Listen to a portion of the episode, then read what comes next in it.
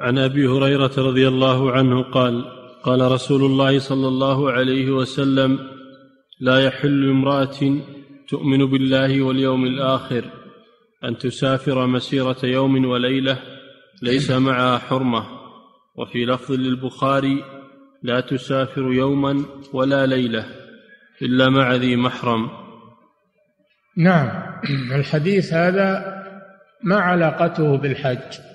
هذا في موضوع المحرم للمرأة في السفر.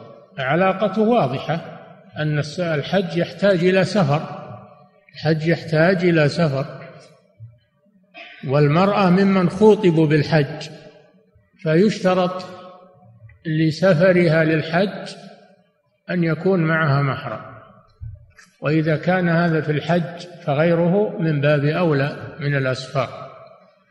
قال صلى الله عليه وسلم لا يحل لامرأة تؤمن بالله واليوم الآخر أن تسافر إلا ومعها ذو محرم سواء للحج أو لغيره.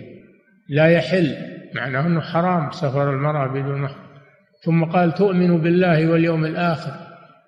دل على أن المؤمنة لا يحل لها ذلك وأن سفرها بدون محرم يتنافى مع كمال الإيمان. لا نقول أنها تكفر لكن يتنافى مع كمال الإيمان.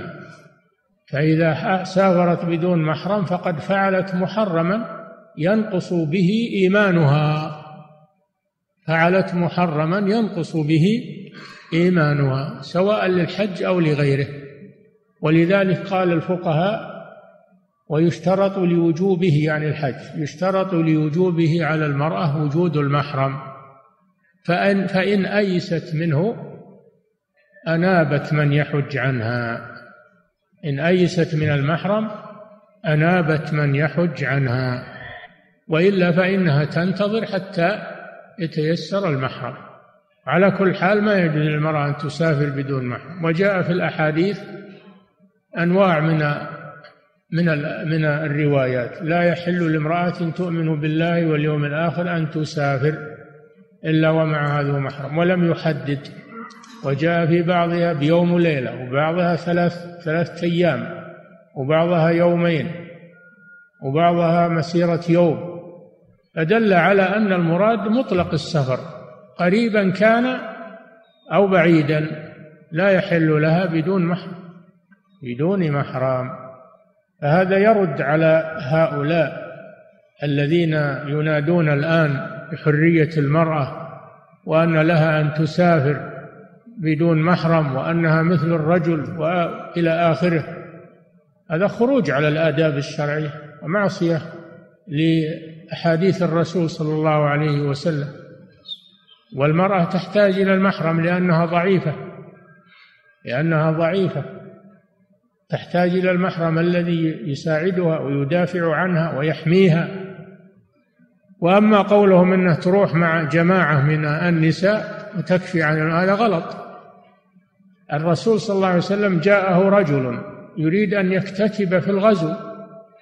قال وخرجت امرأته حاجة. فقال النبي صلى الله عليه وسلم ارجع فحج مع امرأتك. مع أن المرأة معها مع جماعة معها جماعة من الحجاج معها نساء معها ومع هذا قال له ارجع فحج مع امرأتك.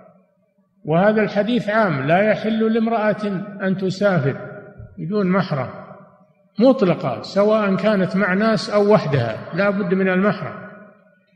قالوا الطيارة طيارة كأنها في بيتها يروح بها يروح بها وليها للمطار ويستلمها وليها الآخر في المطار الثاني. قلنا أول شيء هذا مخالف للحديث هذا مخالف الحديث عام. في كل شيء في الطائرات وغيرها.